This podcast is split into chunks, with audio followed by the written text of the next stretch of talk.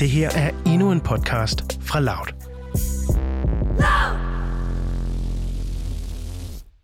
Det her er 6. afsnit af Ud af mørket. Du har nu hørt, hvordan Chris har fået sit overskud tilbage og er begyndt at åbne op om sin sorg.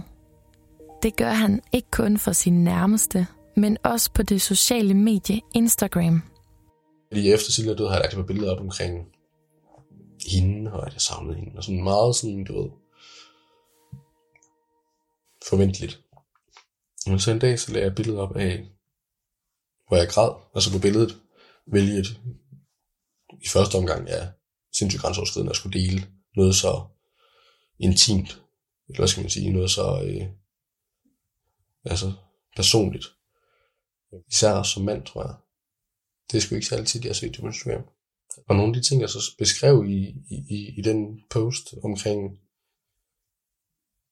min situation, og mit savn til Silje, og nogle af de problematikker, jeg sådan gik og bøvlede med, og alle de, de tanker, jeg gjorde mig. Og så kom jeg netop også ind på det der med, at, at der, at min oplevelse i hvert fald, er, at der er en lidt kedelig kultur nogle gange blandt mænd, om at man skal mande sig op. Og det udtryk i sig selv, det hedder jeg. Det er frygteligt. Altså, at mande sig op. Det, det, det er bare så fjollet. At man som mand skal leve op til en anden følelsesmæssig standard, eller hvad fanden det handler om, end alle mulige andre skal. Det, ja. Øhm. Og så det vil jeg bare sådan gerne prøve ligesom at gøre op med. Og ligesom, ligesom få lidt fokus på, at det synes jeg er ærgerligt. At, og det, det er noget, jeg oplever, at både mænd internt gør, men det er også noget, jeg oplever, at, at kvinder ligesom gør over for mænd. Det der med, at, at det ikke altid som mand er okay at udtrykke sig.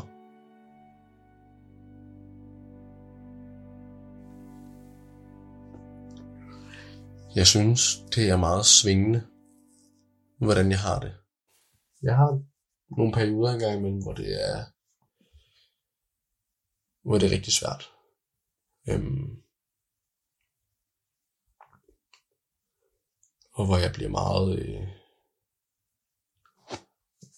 restløs og umotiveret og uengageret og træt og vred og ked af det og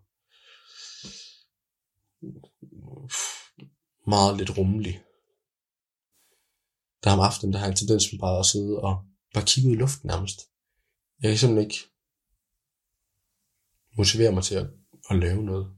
Jeg vil bare gerne nå dertil, hvor at, at det bare er en masse gode minder. Og hvor jeg ikke bliver vred og ked af det, når jeg tænker på det. Og hvor det ikke er den sidste tid på sygehuset, og, og, og det traume, der ligger i det, som, som fylder mest. Men alle de, de gode oplevelser, der fylder mest. Øhm, og det ved jeg godt, det, det, det kan man ikke forhaste. Men der har så heldigvis haft nogle, nogle gode mennesker omkring mig, som kunne, som jeg har kunne snakke med, som man kunne, kunne hjælpe mig og støtte mig. Men det er ikke kun det at være åben og tale om sin sorg og bruge Instagram, der har betydning for, hvordan Chris kan komme videre efter Silos død. For der er noget, vi ikke har fortalt dig om Chris, men som er ret afgørende. I begyndelsen af podcasten kunne du høre Chris præsentere sig. Men den præsentation har vi klippet i, så lad os lige høre den originale præsentation. Jeg hedder Chris, jeg er 27 år gammel. Jeg bor i Svendborg sammen med min datter, Eva. Øhm, jeg er sygeplejestuderende, så det går der ret meget tid med. Enten skole eller læse. Øhm, Udover det, så, så træner jeg lidt en gang imellem, når der er tid til det. Ser mine venner og veninder, og har ellers bare en, en hverdag med min datter, som, som så mange andre forældre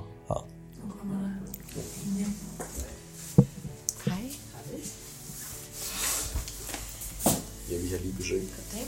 Ja. Hej. Hej. Jeg er farmor. Ja, hej farmor. Vi kan se jakken af. Det kan I være. Har det været hyggeligt ude fremover i hvert fald? Ja. Også glæde dig til at komme hjem til far også. Ja. Ja. Vi snakkede lige om det på vej herned. Så siger hun også, at far venter på mig. Ja. Jeg siger, det gør jeg. Fald. Skal vi lige se skoene af?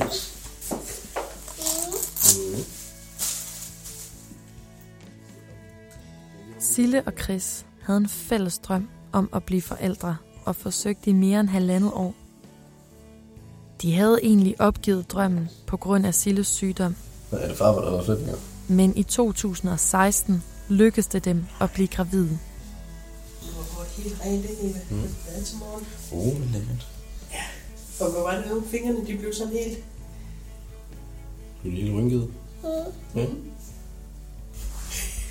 Vinker du lige med flætningen? Ja. Jeg får mig lige en krammer. Vi ses, bus. Åh! Vi ses, Jens. Ja. Hej, hej. Ja, det går god aften. Hej, hej, tak. Hej, Eva. Er det godt at være hjemme? Mm, ja. Skal du på så? Ja. Det her var 6. afsnit af Chris' historie, der måske tog en lille drejning. Men der var faktisk endnu en ting, som Chris og Sille nåede, inden Sille døde. Og det kan du høre om i det sidste afsnit.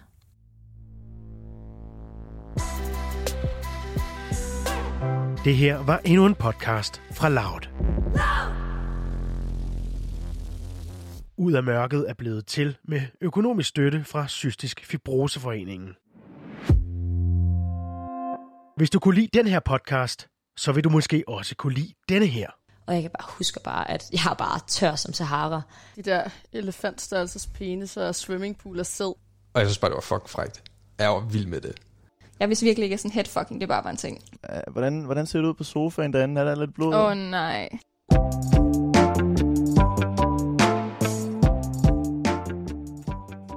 Hej, jeg hedder Alma. Og jeg hedder Amalie. Og vi har lavet en podcast om sex, da vi synes, det er et emne, vi har brug for at tale mere om og bare afmystificere.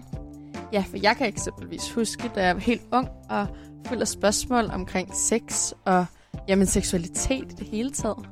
Og den samme undring kan jeg stadig sidde med den dag i dag, når det kommer til sex, for den har så mange aspekter, og på en måde så er det bare så komplekst, men på den anden side, så er det også vildt simpelt egentlig, når det kommer til stykket. For det er jo bare sex. Hmm. Her i den første sæson, så vil vi gerne tale med otte forskellige unge om deres seksuelle debut og deres tanker deromkring. Og vi håber virkelig, at I har lyst til at lytte med, når vi prøver at udfolde det her store emne, som vi kalder sex. Det her er bare sex med Alma og Amalie. Find den på loud.land eller i en podcast-app nær dig. Loud!